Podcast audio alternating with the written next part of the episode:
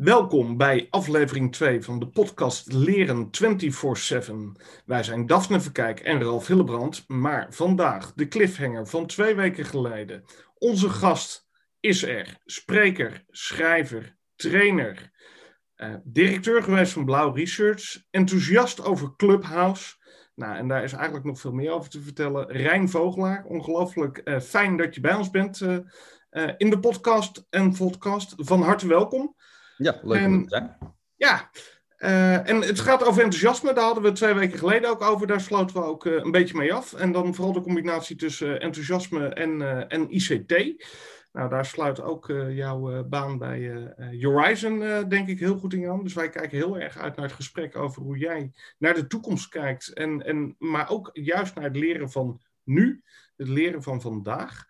Uh, want dat is een beetje ons onderwerp van, uh, van, van de podcast, het centrale onderwerp. Dus uh, nou, fijn dat je er bent en we gaan gewoon het gesprek aan. Ja, leuk. Ik kijk er naar uit. Dus brand maar los. Nou, mooi Rijn. ook namens mij natuurlijk van harte welkom. En om te starten, in plaats van met een, met een eigen introductie, willen we hier graag beginnen met een aantal keuzes voor te leggen. En ehm, allereerst Windows of Apple? Apple. Okay. Kennis of vaardigheden? Uh, kennis. Enthousiasme of passie? Enthousiasme. Een boek of podcast? Een boek. Een spreker of schrijver? Mm, spreker. Oké, okay. ah, dankjewel. Leuk. Mooie keuzes. Um, zou je misschien in eerste instantie ook wat meer over jezelf kunnen vertellen? Want Ralf heeft je nu natuurlijk net een uh, mooie introductie gegeven. Alleen volgens mij uh, vinden we het ook leuk om de persoon uh, achter uh, de spreker en de schrijver uh, te leren kennen. Dus zou je misschien net kort even iets over jezelf kunnen vertellen? Ja, even kijken. Wat zal ik dan precies vertellen? Nou, ik ben gefascineerd door het thema enthousiasme, dus laat ik dat als kapstok gebruiken. Mooi. Um, ik heb daar verschillende boeken over geschreven, over enthousiaste klanten, de, een enthousiaste organisatie, ook over de hele samenleving, waarom we zoveel enthousiasme stoppers hebben, zou je kunnen zeggen, in de samenleving. Um, en ik doe wetenschappelijk onderzoek aan de Universiteit van Leiden. Uh, ik ben aan het promoveren op enthousiasme ook. Dus uh, ik ga dat op die manier ook nog proberen verder te ontrafelen. Um, daarnaast ja, doe ik trainingen, workshops, spreek ook al wereldwijd over dit thema. en kom daar ook, daardoor ook weer in contact met allerlei culturen en mensen. En ik doe nu ook wetenschappelijk onderzoek naar verschillen in hoe men binnen andere culturen enthousiasme geuit wordt. Hè. Dus dat, dat is natuurlijk ook heel interessant. Uh, dus ik geloof dat enthousiasme een echt een belangrijk element is uh, voor onze zelfontwikkeling, voor werken met anderen en ook om onze boodschap de wereld in te krijgen. Alleen het is een ongelooflijk onderbelicht thema, zowel in de wetenschap als in organisaties, als in de maatschappij en ook denk ik in het onderwijs. Dus daar vertel ik graag dadelijk misschien wat meer over. En daarnaast ben ik Research Director bij Horizon, dat is in dit geval misschien ook wel relevant. En op dat vlak ben ik echt bezig met de relatie tussen psychologie en technologie. Ik ben psycholoog van huis uit. Niet per se heel erg een techneut, maar ik help eigenlijk ja, IT-organisaties wereldwijd wel om te kijken van hoe kan je nou IT zo ontwerpen dat het ook enthousiasme oproept. Want ons brein heeft echt een ander operating system dan de meeste IT-systemen. Uh, en ik denk dat ja, de, de toekomst echt zal brengen um, dat daar waar dat goed gaat werken, moeten we niet alleen rekening houden met de technologie. Dus als we het alleen maar overlaten aan, aan techneuten, dan, dan gaat het mis. Maar hebben we ook juist echt psychologische kennis nodig. En met name ook recente psychologische kennis, neurologische kennis. Om te weten van hoe kan je die IT zo inrichten dat het ook echt ons uh, gaat helpen. En dat wij niet de slaaf worden van de technologie, maar dat de technologie voor ons blijft werken. Ja. Dat we er ook gelukkiger van worden. En niet alleen efficiënter, maar ook gelukkiger. Uh, nou, dat vind ik een boeiend thema. Zeker. Mooi. Ja, ik, ik, zou bijna zeggen, ik pak een van die boeken even uit de kast uh, bij me. Want je, je refereert eraan, maar met zo'n achtergrond uh, vervalt dat allemaal weer een beetje. Ja, ja, ja, ja. Uh, Flame Flow Flat, ja, je hebt ja, eigenlijk vijf boeken geschreven. uiteindelijk eentje samengevat tot een trilogie, dus dan zijn het er drie volgens mij. Ja. Um, ja, En nog een dichtbundel toen ik twintig was, maar die valt even in een andere categorie. Ja, die is ook niet meer te koop. Het is een andere podcast. Ja, ja, maar je maakt wel hele mooie gedichten, Rijn. Maar goed, dat, dat weet ik dan toevallig. Uh, uh, dat laat ik van een andere keer. Hey, uh, um, je zegt van, hè, we hebben de, de inzichten nodig uit de psychologie, de neurologie, om IT en dat enthousiasme eigenlijk met elkaar te verbinden.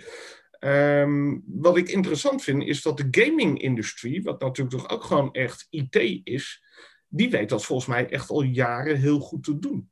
Absoluut, ja zeker. En ik geef het ook vaak als voorbeeld, uh, zeker als we het hebben over flow. Hè, wat dat betreft uh, is er nog weinig uh, wetenschap over enthousiasme, maar wel over flow. En Mihaly Csikszentmihalyi, nou ja, goed, ik spreek het nooit goed uit, maar die heeft daar heel veel onderzoek naar gedaan sinds al zeg maar, het begin van deze eeuw. En um, die principes die zijn in de gaming-technologie eigenlijk uitstekend toegepast. Hè? Want wat heeft hij namelijk ontdekt, die wetenschapper? hoe kom je in flow als je mensen voldoende uitdaagt? Als je mensen um, plezier laat beleven, en dat is een beetje glas half vol, glas half leeg uh, natuurlijk. En als je mensen feedback geeft. Uh, en zeker positieve feedback, hè, dat, dat helpt. Maar zelfs neg ja. en negatieve feedback is nog beter dan geen feedback in ieder geval. Uh, en dat vind ik ook wel mooi, want als je natuurlijk naar, naar zo'n game gaat, en ik ben zelf niet echt een vervent gamer, maar mijn zoontjes zijn er iets te veel mee bezig. En, en, en, en, en de, ook prachtig wat uh, Jane McGonnell, zij is hoogleraar in de gaming, daarover schrijft. Hè. Zo, hoe kan het nou toch zijn dat wij um, onze kinderen, hè, als ze ze de gang laten gaan, zijn ze nachten aan het doorgamen, weekenden aan het doorgamen. En we krijgen ze met geen stokken een huiswerk. Hè? Eventjes misschien een beetje gechargeerd. Ja. Hmm. Terwijl de dingen die zij in de games doen vaak ingewikkelder zijn dan een huiswerk. De, de levels op een gegeven moment waar je komt, de samenwerkingsvormen, ook IT-vaardigheden die je nodig hebt om zo'n game goed tot een einde te brengen zijn echt best wel heavy. Uh, hoe komt dat nu? Omdat die principes van flow, die Csikszentmihalyi dus eigenlijk ontdekt heeft, helemaal doorgevoerd zijn in die games. Je wordt continu uitgedaagd. Je krijgt continu een probleem voorgelegd wat je net aan kan. als het te moeilijk is, ja, dan stop je ermee. Maar als het te makkelijk is, dan is het saai. Stop je er ook mee. Hè? Dus die games die zijn heel erg goed in jou precies een opdracht geven die je net aan kan. Ja, je weet ook exact het pad, hè? Het, het, pad wat je, wat je moet voordat je wint, zeg maar. Dan weet je exact wanneer je gewonnen hebt. Precies, en soms krijg je even een tegenslagje, maar dan kan je, dat, dat maakt het allemaal weer uitdagender. Ja. Uh, het is natuurlijk plezierig. En wat een hele belangrijke is, en ik denk dat dat ook organisaties daar zoveel over kunnen leren, inclusief het onderwijs, continue feedback. Hè? Dus niet één keer in de zoveel tijd, maar gewoon, je, gewoon continu bliepjes, puntjes, levels. Ja. Uh, en, en, en mijn zoons zeiden nog wel, mijn zoontjes toen ze jong waren, zeiden waarom kijk ik nog naar school? We hebben toch de iPad? Als je, als je daar een, een programma doet waar je sommen leert, krijg je, je maakt een som, je krijgt gelijk een bliepje als het goed is, een bliepje als het fout is en dat soort dingen. Ja, dat is natuurlijk langzaam zeker het onderwijs wel meer aan het gebeuren, maar dat, daar kunnen we veel van leren, denk ik. Ja, ja, en, en, dat is interessant, hè? want als je over feedback praat, dan denk ik gelijk vanuit het onderwijs aan, aan feedback die wij geven als docenten aan studenten. Daar moet je wat van vinden. Over het algemeen vrij tijdsintensief als je dat op die manier doet. Terwijl in die gaming is het inderdaad sterretjes, bliepjes, eh, procenten. Dat gaat eigenlijk heel simpel en toch werkt dat. Um, wat, ik zou me afvragen, werkt dat dan? Zou dat in het onderwijs ook op die manier werken? Want met die rekensommen, wat je zegt, mijn dochter doet dat ook. Uh, maar die raakt echt gefrustreerd, want die moet 80% halen. Van de school. Dat moet van, okay. dat moet van de docent. Uh, dus die, die vindt het helemaal niet leuk, want die moet van alles doen. Die ziet pas aan het eind hoeveel procent ze heeft gehaald. En als dat niet die 80 is, dan moet ze helemaal opnieuw beginnen. En zij, zij heeft er echt gewoon een hekel aan. Maar wat daar gebeurt dus, is dat het te veel vanuit technologie is gedacht, denk ik. Ja. Hè? Ik ken mm -hmm. precies de case. Je moet rekening houden met de psychologie. En in dit geval de psychologie van jouw dochter. Als zij dus gefrustreerd raakt, ja. denk ik dus, is die game, of nou, in dit geval het programma, het leerprogramma, is niet helemaal optimaal ingericht. Ja. Want als je dat goed inricht, en waarschijnlijk hebben, zijn de budgetten van uh, de, de, de gamers zeg maar, iets hoger dan de budgetten van dit leerprogramma, dat kan ik me zo ja. goed voorstellen. Maar als je natuurlijk kijkt naar Minecraft, of je kijkt naar uh, FIFA, of je kijkt naar dat soort uh, games, nou, dan, dan zit dat heel vernuftig in elkaar. En daar, daar wordt uh, echt heel veel uh, geld aan besteed om dat psychologisch goed in te richten. Dus ik denk, en dat is ook precies wat, wat de toekomst gaat brengen. Technologie en IT kan ontzettend frustrerend zijn. Dat hebben we allemaal, maken we allemaal mee. Hè? Dus uh, tot en met van de wifi die niet werkt, tot een programma wat je niet snapt of iets wat gewoon niet duidelijk is. Ehm, ehm, maar het kan ook fantastisch werken. Nou ja, Clubhouse bijvoorbeeld, daar ben ik dan heel enthousiast over. Eén van de, ik ben nu ook de tien punten aan het, aan het, noteren en daar wil ik een blog over maken over wat nou Clubhouse psychologisch zo aantrekkelijk maakt. Het is mhm. super laagdrempelig. Je stapt er, ah, je moet wel een iPhone hebben en je moet, er zitten nog wel een paar dingen aan, maar als je er helemaal op zit, je kan gelijk een room starten, je kan gelijk uh, mensen vragen stellen aan bekende mensen. Je kan, het, het is super laagdrempelig. Dus psychologisch is dat aantrekkelijk. Aan de andere kant, hè, je moet ook wel oppassen dat het niet zo lekker makkelijk wordt dat, men, dat het weer super verslavend wordt, wat bij Clubhouse wel een beetje aan de hand is. Moet ik dat krijg je natuurlijk nu dat ook een hoop mensen die niet in de actiemodus zitten, zoals jij net zegt, dat die zelf een room gaan hosten, die gaan consumeren. Waardoor ze steeds meer eigenlijk ehm, ja, achterraken op hun eigen acties. Door, door dat stukje verslaving luisteren, luisteren, luisteren en maar blijven hangen naar de volgende room. Dus ik denk dat daar ook een goede uh, balans in gevonden moet worden. Net als bij gamification, hè, bij onze kinderen de balans gevonden moet worden. En denk ik ook bij het onderwijs, on- en offline. Waar heb je nou de interactie? Echte interactie met docent en student. En waar kan je een student ook zelfstandig uh, aan het werk zetten en die technologie, zeg maar, voor die student laten werken. Die, die balans daarin. Ik denk dat dat wel uh, de komende tijd heel erg belangrijk gaat worden. Omdat we nu natuurlijk wel ineens gedwongen waren om helemaal de andere kant op te gaan. De, de ommezwaai uh, naar online. ja, noodgedwongen hadden we die. Dus ik ben ook benieuwd hoe, hoe kijk je daar tegenaan als we ja, hopelijk toch weer strakjes die combinatie mogen gaan maken. Um, hoe, hoe zie jij dat voor je? Ja, we gaan naar een hybride wereld toe. ik denk wel dat we uh, ook wel weer echt terugverlangen natuurlijk naar het face-to-face en voor de klas staan en op het podium staan en, en noem maar op. Uh, dus dat gaat ook zeker heel groot, uh, groots terugkomen hoor. Ik verwacht niet dat we nu in één keer 90% online gaan leven. Nee. Als, tenzij er continu virussen komen en laten we het niet hopen. Maar in ieder geval, ja, normaal gesproken gaan we natuurlijk wel weer voor een groot deel denk ik terug naar lesgeven voor de klas, op het podium staan. Maar we zullen nu mhm. ook gebruik maken van de mogelijkheden online om verrijking te geven. Ik, ik, als spreker bijvoorbeeld, ik kan me heel goed voorstellen dat ik eh, misschien uh, spreek en vervolgens op Clubhouse nog een nazit doe waar mensen gewoon veel, veel meer vragen kunnen stellen, interactie kunnen doen. Ik kan ik zelfs op, op, op weg naar mijn auto en met mijn auto terug van een, uh, van een uh, speech, kan ik uh, mensen nog nakletsen. Nou, dat zijn natuurlijk geweldige mogelijkheden, ja. die dan niet eens extra tijd hoeven, hoeven te kosten en wel heel veel toegevoegde waarde geven. Nou, dat soort mogelijkheden zie ik in het onderwijs natuurlijk ook veel meer gebeuren. Um, het, het, biedt ook mogelijkheden om mensen die, um, kinderen die misschien niet zo mobiel zijn, uh, les te geven. Uh, nou hebben we in Nederland niet zoveel last van, maar mensen, uh, kinderen die ver weg wonen, hè, dus of, of in, in, ja. in, plekken wonen waar, eh, waar, waar school misschien niet eens mogelijk is. Nou ja, ik, de, de, mogelijkheden zijn ten over, want we zijn in het afgelopen jaar natuurlijk wel allemaal in een soort sneltreincursus terechtgekomen om te kijken wat er kan online. Hè, dus in die zin, uh, het is noodgedwongen en het is in die zin ook frustrerend voor een deel. En er zit, we hebben ook gezien wat voor psychologische nadelen eraan zitten. Het is ook denk ik belangrijk om dat te weten. Maar we zijn denk ik ook wel allemaal in één keer drie niveaus eh, gestegen in onze vaardigheden. En, wat, en ook uh, qua mogelijkheden die er zijn. En ook de sceptici die nooit online dingen wilden doen, die zijn nu noodgedwongen dit, dit gaan doen. En zien nu ook de mogelijkheden. Dus ik denk wel dat we wat dat betreft, uh, dat het ook heel veel heeft gebracht, deze nare tijd. Ja.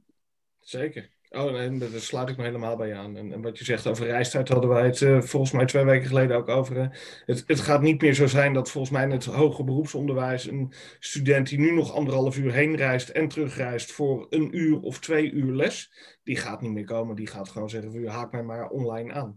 Uh, en, en terecht. En terecht. En dat kan eigenlijk al jaren.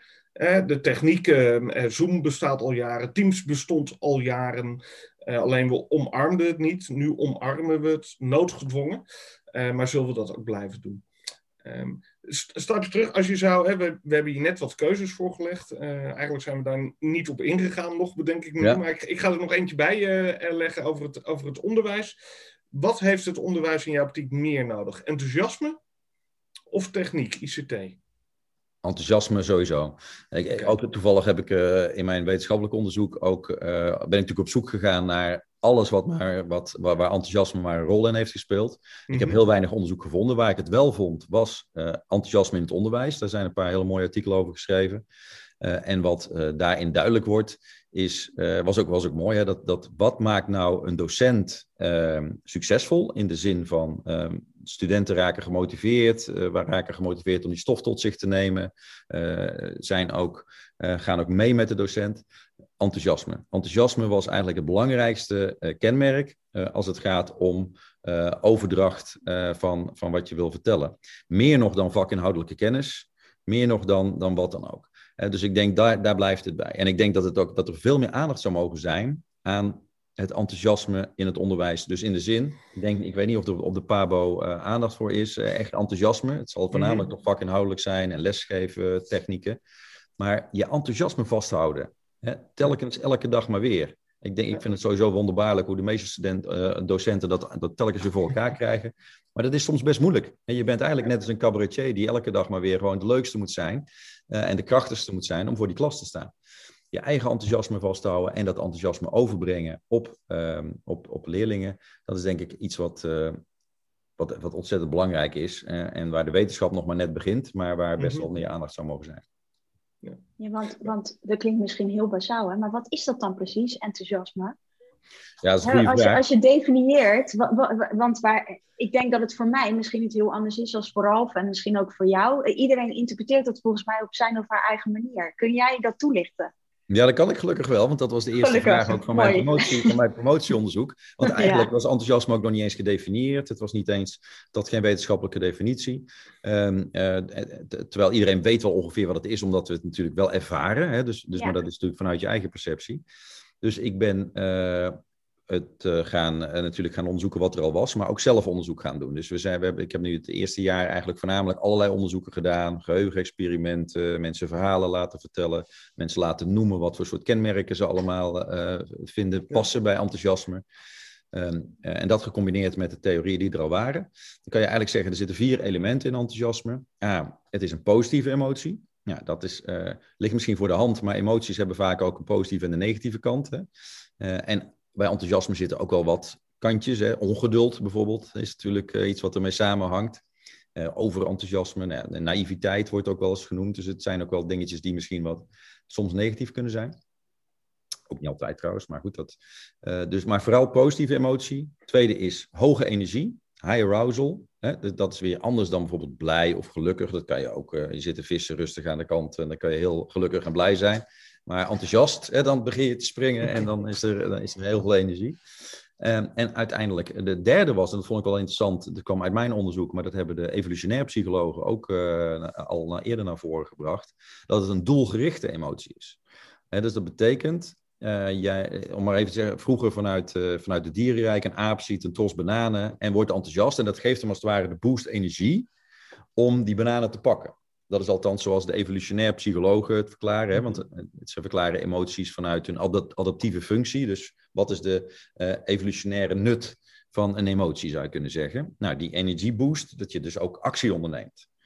Um, en dat is natuurlijk al een heel interessante. Dus dat betreft ook, dus als jij studenten of leerlingen aansteekt, uh, dan gaan ze in één keer actie ondernemen. Gaan ze in één keer wel de huiswerk doen. Gaan ze in één keer. Ja. Ik, ik heb ook, uh, we hebben zelf een blauw nog onderzoek gedaan destijds. Vroegen we gewoon eigenlijk aan mensen welke docent herinner je je nog en waarom? Dat hadden we gevraagd. Nou, en toen kwam eigenlijk dat ook heel erg naar voren. Hè? De bevlogen, enthousiaste docenten die uh, dat, een, een, een, enthousiasme over het vak duidelijk maakten. Soms niet altijd de boekjes volgden, maar juist hè, dat op die manier overbrachten. En vaak hebben, hebben die docenten dus veroorzaakt dat mensen gewoon echt een bepaald levenspad gingen bewandelen. En soms ook ja. die studie gingen doen, of juist uh, daardoor nog steeds uh, in, hun, in hun hoofd over nadenken, zelfvertrouwen hebben gekregen, noem maar op. Dus die actiecomponent. En wat wij nu vonden, excuses, wat nog niet zo in die uh, theorieën terugkwam, was um, de sociale component. En dat is eigenlijk zowel in de definities internationaal als in de theorieën eigenlijk nog heel erg onderbelicht gebleven dat het ook een heel erg het aanstekelijke van enthousiasme. dat is eigenlijk ook wel heel logisch. Als ik heel erg enthousiast ben en wij zitten een beetje op dezelfde golflengte, want als ja, jij dan, gaan mee. Ja. dan ga je mee. En dan ja. ga je mee. En dat gebeurt uh, ook heel erg onbewust. Hè? Bedoel, je, zelfs als, als je iemand enthousiast ziet doen en je zou niet eens horen wat iemand zegt, dan ga je er bij wijze van spreken al in mee. Dus eigenlijk, en dat denk ik dat evolutionair gezien ook een heel belangrijk onderdeel is geweest. Want die aap die zo enthousiast loopt te springen, die zegt ook tegen zijn groepsgenoten: van jongens, ik heb eten gevonden. Zullen we het gewoon met z'n allen naar beneden halen, want dan hebben we er allemaal voordeel van. Nou goed, dus dat met het elkaar aansteken. En dat, uh, daar schrijf ik ook veel over in mijn boeken natuurlijk. Hè, hoe, hoe, een, hoe een band uh, de publiek aan weet te jagen. Dat is natuurlijk, dan gaat, je wordt zo, als het ware een soort één organisme. Die allemaal op een hoger energie, energieniveau terechtkomen. Maar dus dat zijn eigenlijk de onderdelen van enthousiasme. Dus, wat, hè, dus een positieve, hoge energie, um, doelgericht en ook een hele grote sociale component. Dat, uh, ja. Prachtig. Maar als je het ook zo zegt, dan denk ik, ja, we hebben natuurlijk zeker in het MBO vaak te maken met het motiveren van leerlingen, van studenten. Um, ja, dan denk ik als, ik, als ik jou zo hoor, dat enthousiasme echt een ontzettend belangrijk onderdeel is van die motivatie. Van, in plaats van, hè, we zeggen sturen op motivatie, sturen op enthousiasme, als ik dat zo hoor, is ja. ja echt key daarin. Want daarin pak je ze dus mee. Ja, ik schrijf nu ook voor tijdschrift voor positieve psychologie een stuk over uh, enthousiasme in relatie tot positieve communicatie bijvoorbeeld. En uh, ik begin dan ook met Martin Luther King, hè, die dan uh, zeg maar die hele 25, 250.000 mensen in beweging weet te zetten. En sterker nog, tot op de dag van vandaag met zijn speeches eigenlijk mensen inspireert.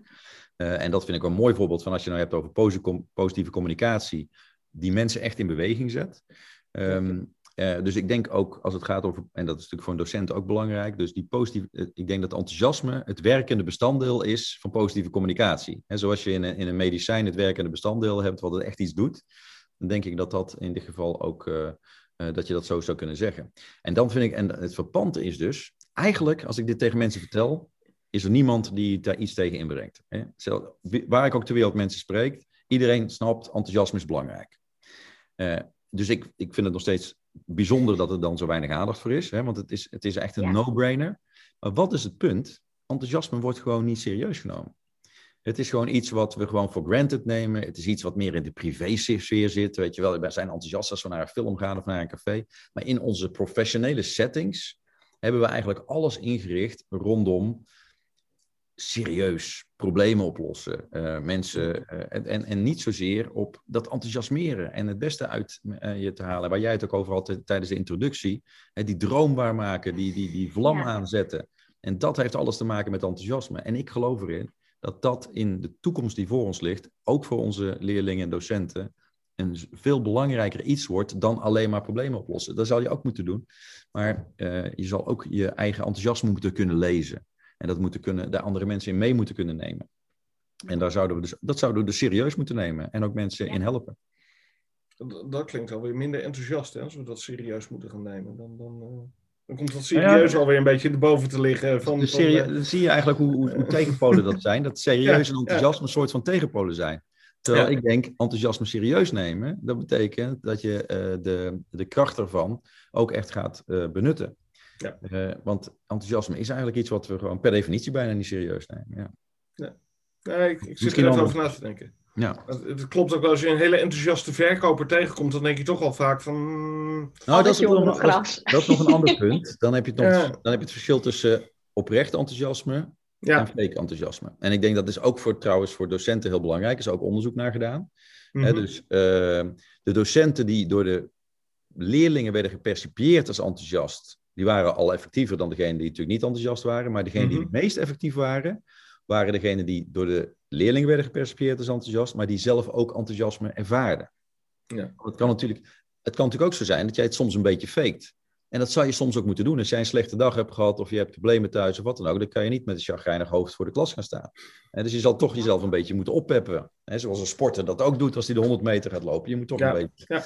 Zeker als je gewoon niet zo lekker in je vel zit. Dus dat is op zich niet erg. Alleen als dat te lang duurt, dan is het ook heel gevaarlijk. Hè? Want dan ga je misschien wel richting burn-out. Of, hè? Dus dat zie je natuurlijk ook uh, vaak gebeuren. Maar um, het is uh, ja, ook iets. Um, um, nou ja, goed. Je moet daar, je moet daar echt wel uh, serieus mee omgaan. Ja. ja.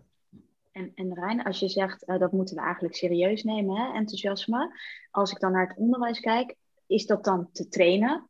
Hebben we het dan over misschien heel gek gezegd, een training enthousiasme. Uh, hoe, hoe, moet ik dat zien? Hoe denk ja, dat, jij dat... dat, da, daarom, ik, ik, was even mijn gedachtegang kwijt van net, dus ik heb hem weer, maar dat past heel erg hierbij.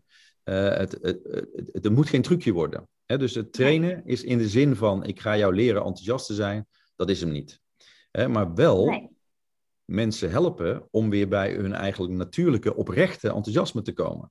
Want dat is het enige wat werkt. Hè? Dat is eigenlijk het verlengde wat ik eigenlijk net nog wilde vertellen. Tussen op, oprecht en, en, en het een beetje faken. Ja. Soms een beetje faken is echt niet zo erg. Maar het is natuurlijk het mooiste en het meest effectieve. En ook voor jezelf natuurlijk het beste. Als je gewoon dat met oprecht enthousiasme kan doen. Ja. En, uh, en dat, dat klinkt heel, nou ja, bijna ook weer een no-brainer. Maar je eigen enthousiasme vasthouden, dat is ook wel iets wat aandacht vergt. En we zien nu in, in, in de wetenschap wat wij vaak doen als wij s'avonds op bed gaan liggen, is gaan we nadenken over de problemen uh, van de volgende dag. We gaan nadenken over dat vervelende ding dat die dag gebeurd is. Want dat is wat ons brein, brein automatisch doet. Zo zijn we geprogrammeerd ja. door de evolutie. En door bijvoorbeeld aan het einde van de dag ook eens te denken: waar was ik nou deze dag blij mee? Wat ging, wat ging er goed? Um, waar ben ik trots op? Um, dat, dan maak je eigenlijk echt neurobanen aan in je brein die zorgen dat het makkelijker wordt om uh, bij je eigen enthousiasme uh, te blijven. Nou, dat is natuurlijk fascinerend. Dat, is echt, dat zijn echt uh, neurologische inzichten van, van de laatste twintig jaar. Dus in die zin, het vergt dus ook bewustwording aandacht. Dan, bewustwording dan misschien een hele belangrijke daarin? Dat mensen zich ook echt bewust worden hoe ze erin staan. En dag, eigenlijk dag in dag uit ook. Precies, ja. En uh, Ralf die weet ook, in mijn presentaties heb ik zo'n plaatje staan van uh, gij zult enthousiast zijn. En nou, dan wordt er ook altijd gelachen. En uh, waarom? Omdat zo werkt het niet. ik kan wel tegen jou zeggen, ga je nou enthousiast voor de klas staan, weet je wel? Want ja. dat is veel beter. Zo werkt het niet. Nee. nee. dus het, het, het, het, het enige wat je kan doen, is zelf op zoek gaan naar waar zit mijn enthousiasme nou eigenlijk?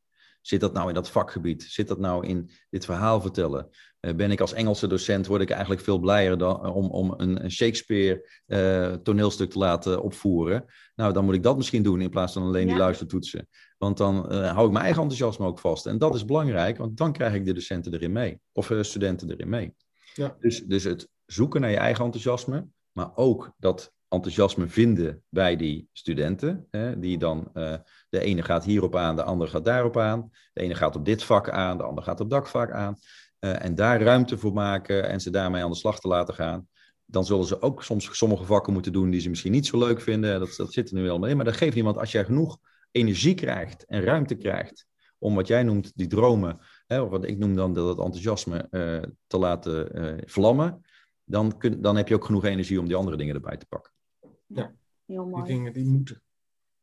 Ja, precies. Ja, nou, en we moeten soms dingen, en dat, dat zal ook, en we moeten soms ook problemen oplossen. Alleen, we zijn geneigd, omdat we nou helemaal ons brein zo geprogrammeerd is, om te veel met die negatieve kant bezig te zijn, met onze onzekerheden, met de dingen die we niet goed kunnen. Uh, terwijl als we gewoon ook op een bewuste manier, ik vergelijk het eigenlijk met um, een soort van afvallen. Ik bedoel, ons brein, als je dat, uh, ons brein de gang laat gaan, dan eten we elke dag een grote hamburger en pinda's. En, want ja, zo zijn we ook uh, geprogrammeerd. We hebben gewoon miljoenen jaren honger geleden. Dus uh, als wij nu in één keer een zak chips zien, dan willen we die eten. Dat, dat is logisch. Alleen, dat is niet goed voor ons. Dus we moeten tactieken bedenken. En, en we zijn allemaal bekend met de tactieken. Om op enigszins op gewicht te blijven. En ik doe dat met mijn vaste dagen. Iemand anders doet dat weer op een andere manier. Maar we zijn daar echt, daar moeten we bewust mee bezig zijn om dat niet uit de hand te laten lopen. Op dezelfde manier zouden we eigenlijk bezig moeten zijn met die positieve balans tussen positiviteit en negativiteit. Ons brein is van nature geneigd om heel erg overdreven focus te geven op de negatieve aspecten. En dat uh, kan onszelf schaden, maar kan ook onze omgeving schaden. En uh, nou ja, daar zouden we dus bewust mee uh, moeten omgaan. Ja. Ja. Rijn, heb, heb jij dan misschien ook een idee hoe docenten dat bij uh, studenten zouden kunnen aanwakkeren, die, dat, die, dat bewustwordingsstukje. Want ja, het zijn natuurlijk toch jongeren, uh, ja. soms in een hele andere belevingswereld als de docent zelf. Um, zou je daar tips voor hebben voor docenten om dat aan te kunnen wakkeren? Ja, zeker. Ja, in, mijn, in mijn laatste boek, uh, Negativiteit Mania, ben ik ook op het onderwijs ingegaan. En, en een van mijn laatste hoofdstukken volgens mij gaat over de Geelong Grammar School. Ik weet niet of je dat uh, kent, daar is ook een heel boek over geschreven. En dat is eigenlijk een, een school um, in Australië. Uh, waar uh, studenten ook uh, ja, zeg maar fulltime zijn. Hè, dus ze slapen daar ook en zo. en die, daar zijn eigenlijk een aantal van de bekendste positief psychologen. Martin Seligman, ook Csikszentmihalyi, Fredriksen, zijn eigenlijk daar naartoe gegaan om een aantal jaar um, die Geelong Grammar School al, alle psycholo positief psychologische inzichten toe te passen op die school dus we weten ondertussen, we hebben nu al twintig jaar onderzoek gedaan naar geluk. We weten eigenlijk wel zo'n beetje waar we gelukkig van worden en waar we niet gelukkig van worden. Uh, en, uh, dus deze hebben allerlei zeg maar, interventies toegepast die we weten uit de positieve psychologie dat die mensen dat het goed is voor onze well-being. En ze hebben een andere school, eigenlijk tegelijkertijd hebben ze ook allerlei metingen gedaan onder studenten die gewoon, hè, die vergelijkbaar was, maar waar verder niks gebeurde, om ook dat goed te kunnen, goed te kunnen meten. En uh, Martin Seligman begint eigenlijk ook heel mooi, dat boek. Hij zegt van, wat willen we nou eigenlijk voor onze kinderen? Wat willen ouders van hun kinderen? En dat ze straks uh, succesvol uh, worden in hun carrière, of dat ze gelukkig worden. Nou, elke ouder zegt, ja, ja, elke ouder zal zeggen, ik wil dat mijn kinderen gelukkig worden. Ja, toch? Hij zegt, waarom leiden we dan kinderen alleen maar op voor een succesvolle carrière? Waarom leren we ze niet hoe ze gelukkig worden? we weten ondertussen, we weten ondertussen ongeveer, hè, we weten hoe mensen gelukkig worden. Dus die, die leerlingen, en niet alleen de leerlingen, maar ook de ouders worden getraind, de docenten worden getraind in al die uh, positieve psychologische inzichten. En dat we gelukkig worden van elkaar, dat we gelukkig worden van s'avonds even aan iets positiefs denken. Dat we dagboekjes bijhouden met onze positieve prestaties. Uh, dankbaarheid tonen. Uh, hè, dus dat we ook de, de, de, man of de vrouw die in de, in de tuin uh, alle blaadjes bij elkaar harkt, af en toe eens eventjes een waardering ja, geeft. Dankjewel zeggen, ja. Al dat soort dingen. Inven interventies gedaan. En het mooie was aan het einde van die periode, hebben ze dus gemeten welke studenten gelukkiger waren. En inderdaad, die, mensen, die studenten van die, van die school waren een stuk gelukkiger dan die docenten, de, de studenten van de, van de andere school. Maar niet alleen dat, ze deden het ook heel veel beter academisch. Ze haalden gewoon veel betere cijfers. En zo zie je in die positieve psychologie gewoon continu die uh, win-win situaties. Dus dat, die, dat Gillon Grammar School voorbeeld, daar staat, dat staat eigenlijk vol met mogelijke interventies die je kan uh, eigenlijk toepassen in uh, het klaslokaal. Um, om um, ja, de well-being van je studenten, van je leerlingen omhoog te brengen. Maar niet alleen dat, om ze dat ook op lange termijn te leren mm -hmm. hoe ze gelukkiger zijn. Ja. dat ze hun passies kunnen opzoeken, dat ze het enthousiasme kunnen opzoeken, dat ze weten hoe ze met een team in flow kunnen komen. we, we, weten ondertussen ontzettend veel. Ik was vorig jaar op een congres hier in Amsterdam over positieve psychologie. Er lopen 1500 wetenschappers zijn daar bezig, alleen maar met onderzoek naar, naar, naar geluk. We weten daar ondertussen echt wel een hoop van. Laten we dat gaan toepassen in um, ja. waar, waar, waar mensen het meest ongelukkig van worden, is gewoon op een stoel zitten en de hele dag naar iemand luisteren. Nou, hè, wat zijn we aan het doen de hele dag? Ai. Dan hoop ik dat onze luisteraars gaan wandelen nu of zo. Hè? Ja, dat, die, dat die gewoon aan het wandelen zijn of zo. Of ja, je, kan het ook, je kan ook gewoon lekker luisteren naar deze. Ja. dit, lekker wandelen tussendoor. Ja. Podcast. Maar je zegt van we weten dat ondertussen 1500 man uh, op elkaar bij een congres. En nu, nu wil ik er wel tegenover zetten. Jaar na jaar blijkt dat we in Nederland ook wel ongeveer de gelukkigste kinderen wereldwijd hebben. Even los van hoe dat onderzoek wordt uitgevoerd, maar we doen daar al wel iets goeds in. Maar wat, wat is er dan nodig om, om, dat, om dat wiel draaiende te krijgen? Want als we, als we het weten, en we hebben zoveel wetenschappers die zich hiermee bezighouden. En, en op heel veel plaatsen gebeurt er dus van alles, maar ook nog op heel veel plaatsen niet. Hoe gaan, hoe gaan we dat voor elkaar krijgen? Ja, goed. Jij zegt van we hebben de, we hebben de gelukkigste uh, jongeren. Dat is deels waar. Aan de andere kant, als je kijkt naar de cijfers, als het gaat om uh, depressie, psychologische problemen, burn-out, uh, suïcide, ja. zelfs onder jongeren, dan hebben we ook echt wel een issue.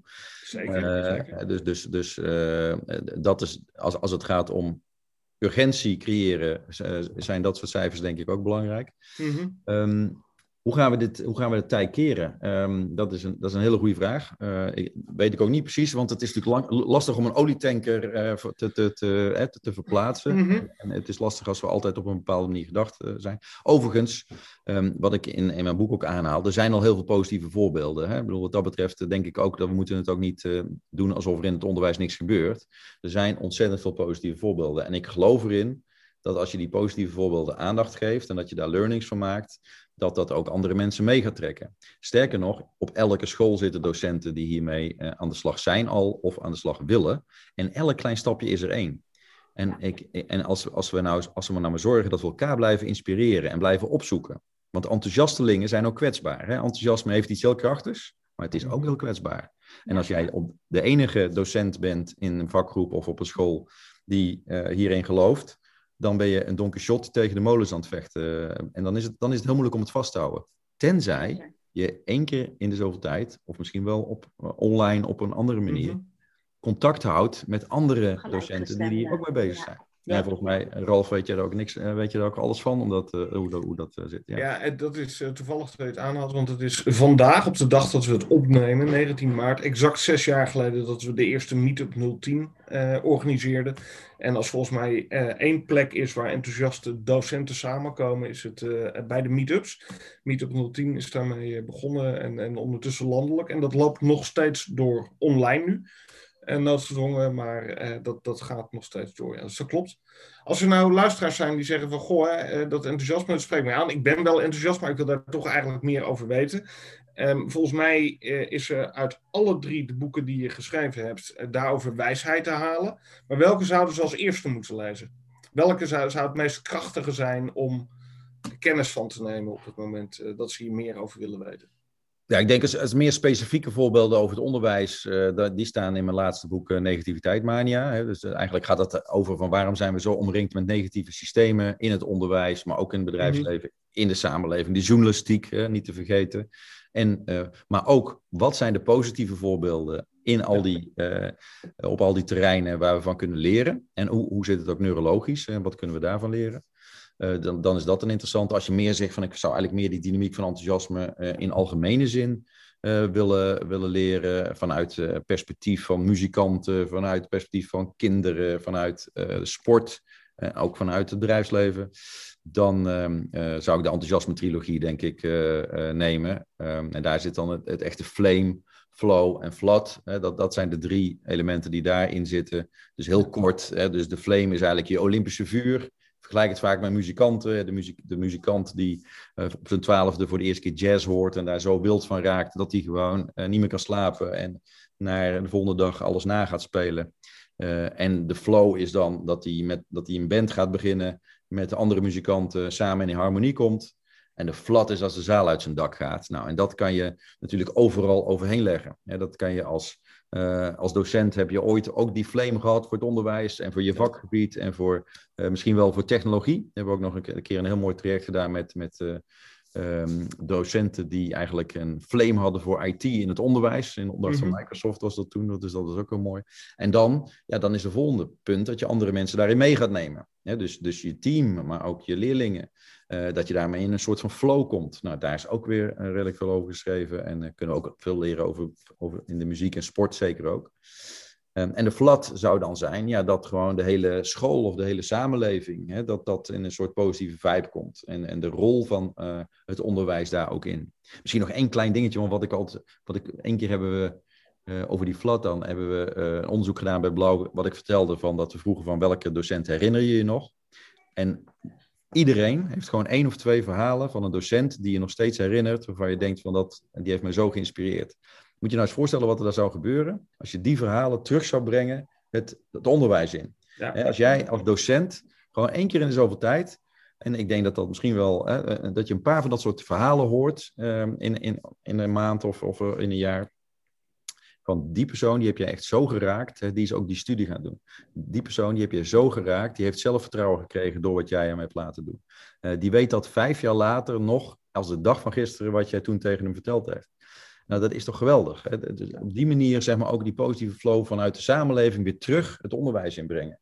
Ja, er zijn nog zoveel dingen te doen wat dat betreft. Het licht goed oprapen, echt serieus, ja. Ja, we moeten ja, het alleen oprapen. Ja, daarom. Ja. ja. ja het is wel mooi, want als ik kijk naar de eigen oud-studenten, waar ik nog uh, wel eens contact mee heb, en als je dan nog wel eens iets post op social media bijvoorbeeld, dan is er eigenlijk vaak maar één ding wat achterblijft, en wat, wat zij teruggeven, en dat is mevrouw, u heeft me zo geïnspireerd. Altijd komt hetzelfde eigenlijk, hetzelfde stukje komt naar boven. En al die vakkennis die we allemaal erin hebben gepompt, het is allemaal hartstikke leuk. De helft doet sowieso niet meer voor waar ze voor opgeleid eh, zijn, hè, een x aantal jaar later. Uh, wat in mijn optiek ook helemaal niet erg is, maar die inspiratie, die drive om vooruit te komen, om er iets van te maken, uh, dat is eigenlijk wat, wat, ik, wat, ik, wat ik teruglees als ik zelf iets post, maar ook als ik uh, collega's iets zie posten, dan, is dat wat terugkomt. En dat hoor ik ook zo in jou, jouw boodschap constant, die, die inspiratie geven, die bron zijn, echt, echt die bron vanuit jezelf zijn, dat, dat stuk enthousiasme dus naar buiten laten komen. Ja, en hoe geweldig is het als je dit soort feedback terugkrijgt, toch? Ik, bedoel, ja, dat is ik zit daar je- net aan te denken. Waar, waarom verzamel ik dit niet bijvoorbeeld? Want Ik verzamel zelf het zelf, echt serieus. Ja. Ik verzamel zelf als mensen complimenten geven. Zeker als het mooie complimenten zijn eh, over mijn speeches of boeken of zo. Ik heb gewoon een document en, eh, eh, waar ik gewoon die dingen in plak. En, en dan af en toe kijk ik er eens naar. Dat geeft je heel veel positieve energie. Maar het is ook Ja. leerzaam. Want te denken van, Ja. wacht eens even. Dat is nou hetgene. Of toen deed ik dat, wat, wat, wat iemand Ja. geweldig vond. Dan moet ik misschien nog eens een keertje doen. Dus het, het, het inspireert eh, enorm om daarmee bezig te zijn. Ja. ja, Mooi mooie tip. Ja. Ja, mooi. Eh, Als, als mensen nu enthousiast eh, over jou zijn geworden, naar aanleiding van dit eh, interview, waar kunnen ze zeg maar meer over jou eh, eh, vinden? Naast de boeken die natuurlijk gewoon beschikbaar zijn. Ehm, maar welke plek Ja. eh, ben jij makkelijk vindbaar? Ik ben sowieso bij de, de, meeste, de meeste social media wel, eh, wel eh, bezig. Ja, ik ben Clubhouse, heel, hè? enthou- heel enthousiast over Clubhouse. Dus eh Rijn Vogelaar op Clubhouse, eh, volg me daar. En dan, dan nodig je ik ook gelijk uit voor mijn, voor mijn groepje De Dynamiek van Enthousiasme. Eh, en dus dat, dat is leuk. En mijn website rijnvogelaar.nl is ook heel veel te vinden. En neem gerust contact op als je vragen hebt of als je nog ja, eens door wil babbelen. Want ik praat nergens liever over dan over dit onderwerp. Dus dat, is, dat zal alleen maar mooi zijn. Met passie en enthousiasme. Dus dat, eh, Heerlijk. Nou, ik word er ook enthousiast van. Dan merk ik wel echt dat ik Ja. denk van, heerlijk. Die- Maar dan heb je het weer. Ik voel energie. Nou, ik, Dat is, dat is wat ik voel. Ik zat gisteren in een, eh, in een, in een clubhouse room eh, met Amerikaanse sprekers. En toen kwam er ook een quote voorbij. Ik weet niet meer van wie die was. Maar, eh, of wie van wie die oorspronkelijk was. Maar toen zeiden ze ook van... People don't remember what you say. They remember how they make you feel. En toen Ja. dacht ik, ja, dat, dat is ook zo waar. Hè? Ik bedoel, wat dat Ja. betreft zijn we soms zo met die ratio bezig. Maar het is ook gewoon... eh, eh, communicatie is ook overdracht van emotie. En elkaar aansteken en meenemen. En eh, Ja. dat is zeker zo belangrijk. En zeker in En- deze tijd, ja. En dat lukt dus ook prima door zo'n scherm heen. En, en hopelijk ook Ja. de mensen die niet kijken, maar alleen maar luisteren, die ervaren ook, ook het enthousiasme waar ik het net ook over had. Dat ervaar je zelfs alleen ook al als je luistert. Hè, dus daarin is die technologie is niet een barrière, maar die kan daar, eh, ja, de- die hoeft daar geen barrière in te zijn.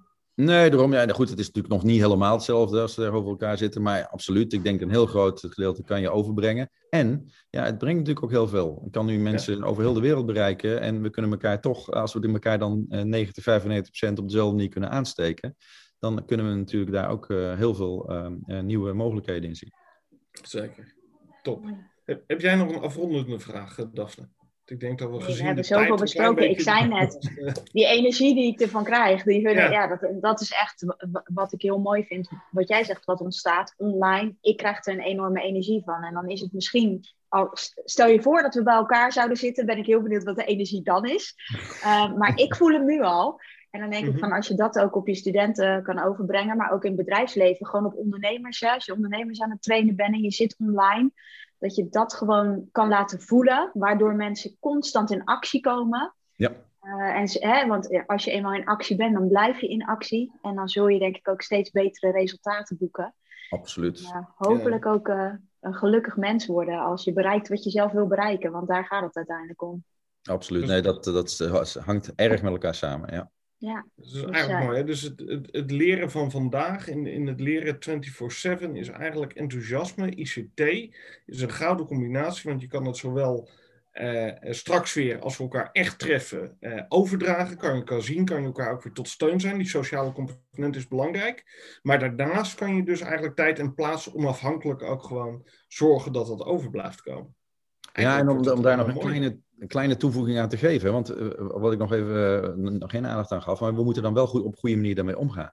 Want we hebben feedback nodig om in flow te komen, hè, hadden we het ja. natuurlijk over. Ja. En ik denk ook voor uh, docenten is het natuurlijk een uitdaging om al die leerlingen feedback te geven. Maar als je in een online omgeving zit, is het vaak wel makkelijker. Want dan kan het ook even met een duimpje of even een laten weken van oké, okay, ja. ik heb het gelezen, je hebt het goed gedaan. en dan hoef je niet altijd een uitgebreide... deze. Ja. ja. ja, maar letterlijk met, met studenten. Wat vind je, wat vind je ervan? Uh, ja. ben, kom in actie, ben bezig. Ervaar, ervaar het ook gewoon.